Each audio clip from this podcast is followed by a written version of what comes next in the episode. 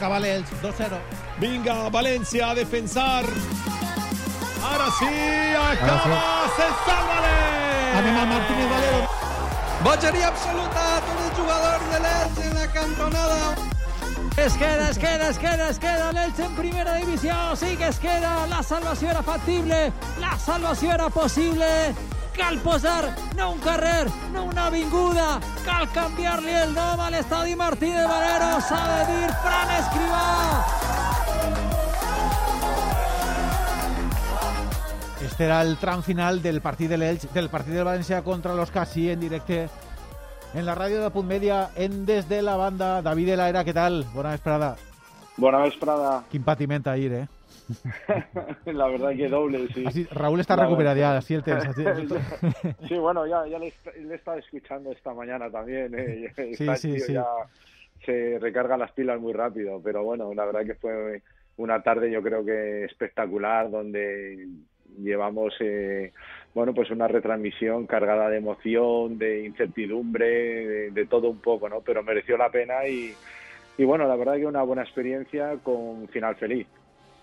Raúl, el- l'Elx havia de guanyar, va guanyar, depenia també del d'aquest marcador del València, que lluitar per no perdre el partit, un poc de sort, espal, Silesen, però al final eh, tot compta i, i l'Elx una temporada més en primera, que era molt important perquè, com dèiem ahir, no és el mateix baixar quan dus cinc temporades que pujar i baixar. Sí, i fixa que, que l'equip eh, i, i la gent va quedar molt tocada no? després d'aquest partit contra l'Alavés. Ahir, aquest partit era clau, perquè si aquest partit el guanyava l'Elx, el camí no haguera sigut tan complicat i tan difícil, no?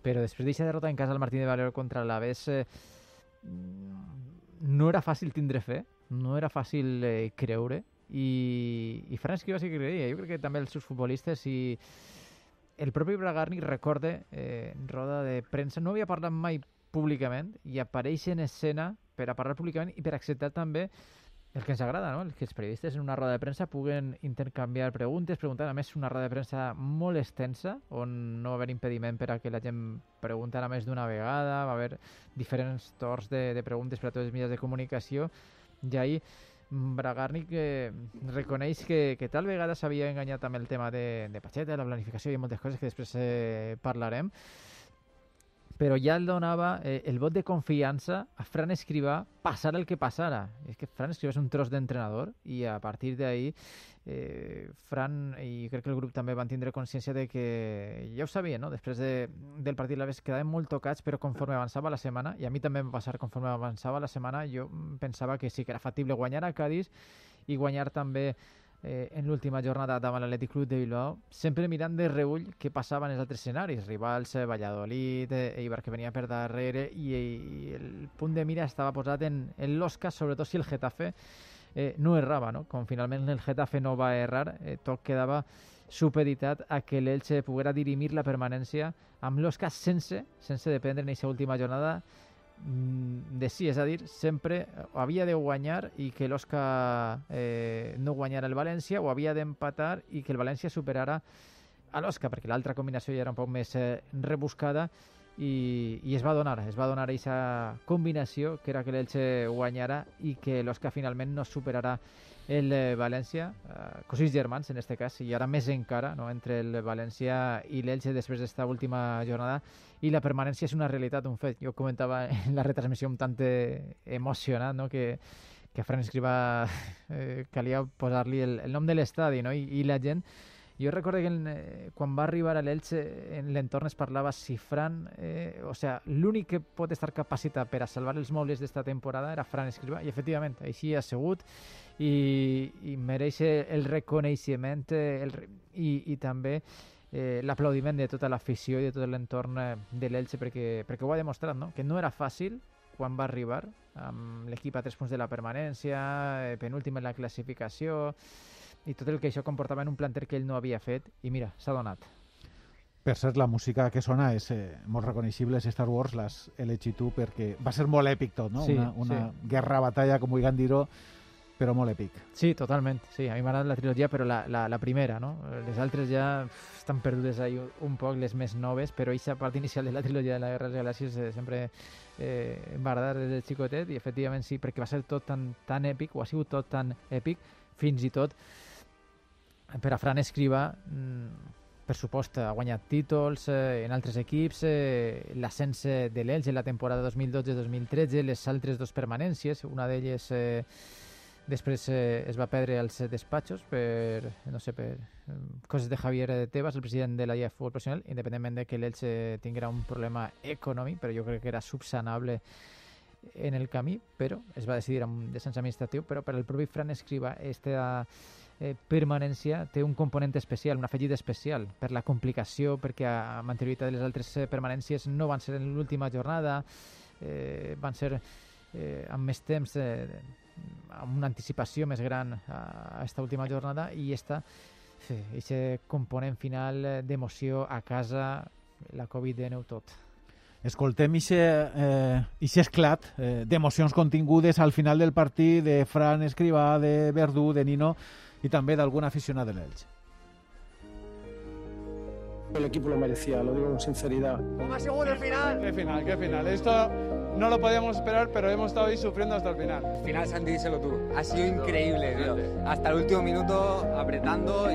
Me escondes que un chambi, tú. Creo que se lo merecen todo, que, que disfruten esto porque, porque esto es la hostia y la verdad que es un momento único. Queremos al Elche por encima cualquier cosa y que queremos lo mejor para ellos. Y para ello, qué mejor sitio que estar en la primera división. David, com es disfruten estos eh, finals tan petits? Al final, eh, evidentment, ahir veiem les cares des del Valladolid, que són la part negativa i eh, la part amarga de l'esport del descens, però bueno, que manté la categoria, que és el que s'interessava, que és l'Elx, com es disfruta no? de manera tan, tan especial? Sí, son momentos, la verdad que, a ver, eh, las cosas que no cuestan, Jordi, al final, pues no, no saben igual, ¿no? Y, y, es cierto que Leche desde prácticamente, pues desde el principio, ¿no? Le, le toca el rol de, de, ser un equipo que va a sufrir, que va, que va a tener dificultades por eh, permanecer en la primera división. Como decía Raúl, el día de de, del Alavés, yo creo que es... Eh, un partido que, que, parece casi definitivo ¿no? y que sentenciaba un poco al, al, al equipo ya a la segunda división. Y bueno, eh, al final un poco eh, cuando se reúnen o cuando se dan todos estos condicionantes que o se tienen que dar para que sea posible la salvación, pues eh, y, y en esos minutos finales, además con el el gol del Valencia anulado, ¿no? que es lo que hace que la gente celebre en el Martínez Valero ya la permanencia, pero luego les diga la noticia de que no y luego ya de que se ha terminado, pues bueno, es una explosión de júbilo, de como decíamos ayer, de emociones y, y de todo que, que hace que, que, liberes pues toda esa tensión que ha sido acumulando durante mucho tiempo. Ara parlem de la figura de Fran Escribal, escoltem i comentem. La verdad es que es un momento muy emotivo, estoy agotado. No me preocupaba lo de la situación contratal, solo vine para lo que hemos conseguido, para intentar salvar el equipo. Este club puede crecer mucho y, y bueno, y, y, ahí crecer todos, todos juntos. David, eh, Fran, només havia signat fins a final de, de temporada, com ell diu, eh, vine per a lo que vine, que era per a, per a salvar a, a l'equip, tractar de salvar-lo, finalment s'ha aconseguit aquesta permanencia, pero ya Bragarni, que en una rueda de prensa o en unes declaracions anteriors a estes de, de estos últims dies... Abans, de... era divendres o dijous, no recorde, era uns dies abans del partit del Carranza. Sí, ja va dir que en primera o en segona ahí contaba en Fran. Sí, ya lo comentábamos ayer, es un poco eh, dar de, de, alguna manera no tranquilidad a, al entrenador, al, al, proyecto en definitiva no del club, eh, decirle, bueno, eh, no vamos a actuar en función de, es decir, de si mantienes la categoría o no, eh, estamos convencidos de que eres la persona apropiada, idónea para llevar la, las riendas de, del equipo y como tal, pues eh, adelante, ¿no? Sea lo que, o pase lo que pase. Yo creo que eso es, eh, ya son buenas sensaciones, son buenas decisiones y transmitir cierta tranquilidad al entorno. Y en ese sentido, pues yo creo que, como ha dicho Fran, él viene en un momento eh, de, emergencia, de prisas, donde no eh, lo que vale es el día a día, es decir, eh, me vale el entrenamiento que voy a hacer mañana y el partido de esta semana, y así sucesivamente hasta el final, ¿no? Lo que no te da o, o no te permite a lo mejor pensar en, en, un proyecto de a corto medio plazo y a partir de ahora ya de, cuando has acumulado un trabajo y, y la propiedad toma esa decisión, pues bueno, yo creo que lo que dijimos también, que a partir de hoy seguramente pues ya empiezas a pensar ¿no? en nombres, en futbolistas que pueden venir, que pueden salir, qué es lo que necesita, eh, porque la cabeza de los entrenadores, de las direcciones deportivas, yo creo que nunca descansa. Raúl, eh, les intencions de la propietat eh, o del propietari de, de l'Elx estan clares, o el màxim accionista, com ho del, del, del que més accions té. Però... Perquè accionistes, en, eh, com, com en el cas del València i altres equips valencians, eh, els accionistes són molts, però hi ha alguns que en tenen eh, la gran, més del 50% del capital. Eh, però s'ha de plasmar tot en un contracte. Sí, però jo crec que no, no hi haurà cap problema, segur. Segur mm, seria eh, una altra errada mm, de Bragarni. Seria altra vegada eh, anar a la mateixa pedra i tornar a caure eh, i no, ja, ja crec que se'n va enganyar, es va enganyar i crec que ho ha reconegut que possiblement no va prendre la decisió correcta en el seu moment eh, quan mm, més i mig o sí, 4 o 5 setmanes abans de que conclourà la competició, independentment del que passarà, ja en el seu cap tenia un altre disseny. Cristian Bragarni pensava en Jorge Almirón i no pensava en la continuïtat de Pacheta. Després s'obre un miracle eh, amb aquest ascens de, de Franja Verd en el mes d'agost, eh, pràcticament ningú donava com a favorit a l'Elx, o, o cap de, dels que estaven ahí eh, pensaven que l'Elx podria ser l'equip de l'ascens, eh, hi havia conjunts amb un potencial brutal, com era el Girona l'any passat, eh, o la temporada passada, amb 29 milions de pressupost. Estava també el Reial Saragossa, i tots dos van caure davant eh, l'Elche. Va ser molt meritori el que va fer Pacheta, però després no va tindre el Premi Pacheta de ser l'entrenador de l'Elche en primera divisió i de donar-li continuïtat al, al projecte. L'aposta de Bragarnik va ser la de Jorge Mirón, un tècnic argentí, que sí que havia pogut guanyar coses a Argentina, però que no, eh, no tenia experiència a Europa.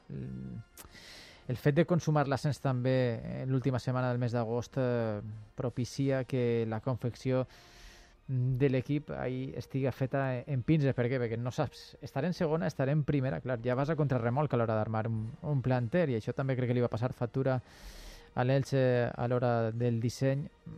Van vindre jugadors de, de la, puc dir de la corda de Bragarni, o ja no de la corda de Bragarni, sinó que la propietat considerava que podien ser importants. D'un mercat es van, es massa, massa tancat, massa determinat, no? Sí, sí. Sánchez Miño no, no estava al nivell, a Coné a les primers de canvi el, el rebenten un jugador eh, de 19 anys perquè pff, i, se, i és més una projecció ofensiva que no una projecció defensiva en el lateral esquerra, crec que tot això espera i desitja que Bragarni, que, que em sembla, o almenys en aquesta roda de premsa em va donar la sensació que, que era una persona eh, seriosa i que si s'enganya sap rectificar i com s'ha enganyat en diverses coses estic segur de que va saber rectificar i que no hi haurà cap problema per a que Fran Escriba siga l'entrenador i que a Fran Escriba se li puga permetre tindre eh, poder de decisió a l'hora d'armar el planter, perquè Frank coneix la Lliga Espanyola, coneix el mercat i a partir d'ahir ho va demostrar al seu moment, ho ha tornat a demostrar sense tindre un equip que ell ha pogut armar. Però amb un equip que li deixen a ell armar-ho, a ells, ell sempre ha mostrat el millor rendiment i espero que així siga. Parlem d'altre nom propi, David, eh, és Nino. Eh, Jorge Almirón pràcticament no comptava amb ell, Fran tampoc ha comptat eh, pràcticament amb ell, paper molt marginal, molt residual en els dos entrenadors. Ahir tingué uns minutets en el partit decidit per a que la gent l'ovacionara sonava molt a, acomiadament, no? a dir-li adeu ja a, a una institució de l'Elx. Es posible y yo creo que bueno al final eso forma parte de, del ciclo ¿no? de, de, un profesional, de un deportista. Eh, y en ese sentido yo creo que Nino, a cualquier, cualquier profesional que, que cuando llega al final de su carrera aunque lo entiende, pero eh, se entiende pero no se entiende, ¿no? Es decir, parece como que nunca va a llegar ese momento. Eh, es difícil de explicar. Todo, todo profesional, aunque sabe que tiene un final, pero de alguna manera sabe que, que su vida y que le gustaría. Y ya son momentos de analizar, de, de, valorar y, de ver un poco también el papel que puede desempeñar. Además, Nino va un poquito más allá, ¿no? De que se pueda retirar un futbolista del Elche. Eh, eh, Nino en el Elche es algo más. Entonces hay muchas opciones, hay muchas posibilidades y para mí en ese sentido lo que creo que debe ser es que eh, sea cual sea eh, la decisión que tome Nino, el club, etcétera, si va a continuar un año más o, va a, eh, a, seguir un año más en otro sitio, por lo que sea, pero lo que creo que, y estoy convencido, es que Nino va, va a ser parte del club en el futuro y que algo importante, que muchos grandes clubes no cuidan esos pequeños detalles, ¿no? que este tipo de futbolistas deben de salir como se merecen de, de las entidades y de los clubes porque han dejado su eh, lo han dejado todo ¿no? por, por, este, por este club y creo que merecen salir, eh, repito, eh, por la puerta grande. Només li ha faltat una cosa, marcar amb l'Elx en primera. Sí que va marcar sí. a, la, a la Copa del Rei en el partit disputat a Bunyol, però li ha faltat pues... eh, d'una banda marcar en primera i d'altra banda mmm, també eh, viure un partit amb aquest estadi Martí de Valero ple de gom a gom. Mm, sí, Confie sí, sí. Eh, que quan se li pugui retre un homenatge en condicions siga en un, claro. en un gran partit i amb el camp el Martí de Valero amb 33.000 33 espectadors perquè, perquè ho mereix. És una llegenda, sí. és una llegenda de l'Elx, així és. Parlem també de la confecció de la plantilla, ja ha fet algun apunt eh, Raül abans.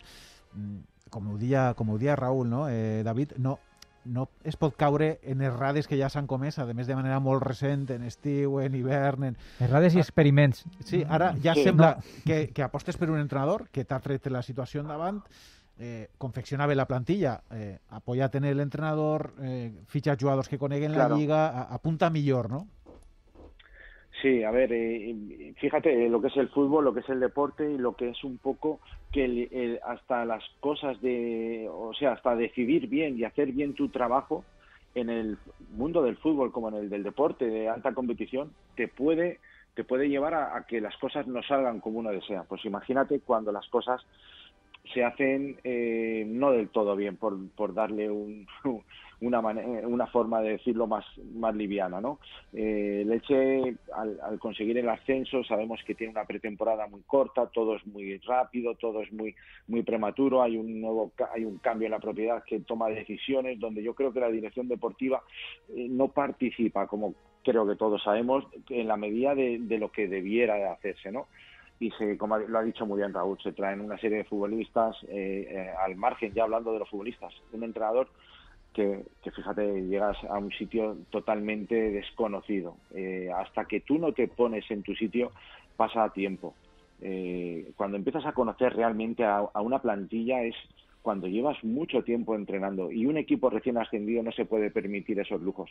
Y luego con el, con el agravante, o por decirlo de alguna manera, eh, que hay una incertidumbre de que todavía no se sabía si podía disponer de la licencia. Entonces yo creo que en esa situación el Elche no debía de haber eh, incurrido en ese tipo de situaciones. Tenía que haber sido todo mucho más lógico. Por ejemplo, la continuidad de Pacheta era algo lógico, o si no, porque ves que ese tipo o ese perfil de entrenador no encaja en tu, en tu idea, que me parece también muy eh, algo normal, pero se tiene que hablar y tienes que tomar unas decisiones de contratar profesionales que conozcan la liga, ¿no? Y a partir de ahí construir, eh, planificar, repito, con escaso tiempo y hacerlo lo mejor posible. Por eso yo creo que ahora el Elche, eh, con esta permanencia, tiene es un paso importantísimo hacia adelante, ¿no? Ahora sí que tiene eh, tiempo para planificar, para programar, para, para hacer cosas y seguramente si es Fran Escriba el que va a llevar la nave de la temporada que viene, pues en, colaboración y en cooperación con lo que es la dirección deportiva que tiene el David, moltes gràcies per tot. Un plaer haver contactat amb els teus comentaris una temporada més. A veure si la següent, la pròxima campanya acaba igual de bé, però si patim un poquet menys, no patim tan millor, ¿eh? Yo te lo iba a decir, llevamos ahí dos, dos finales Uf. de temporada, la de, la de Girona y la de ayer que... Al límite, ¿eh? Al límite ya.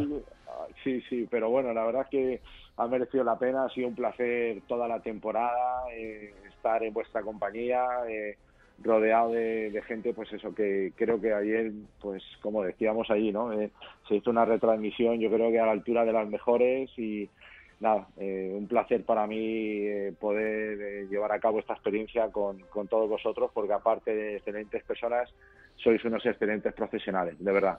Muchas gracias. Muchas gracias, David. Buena vesprada. Bona vesprada. Adéu, David.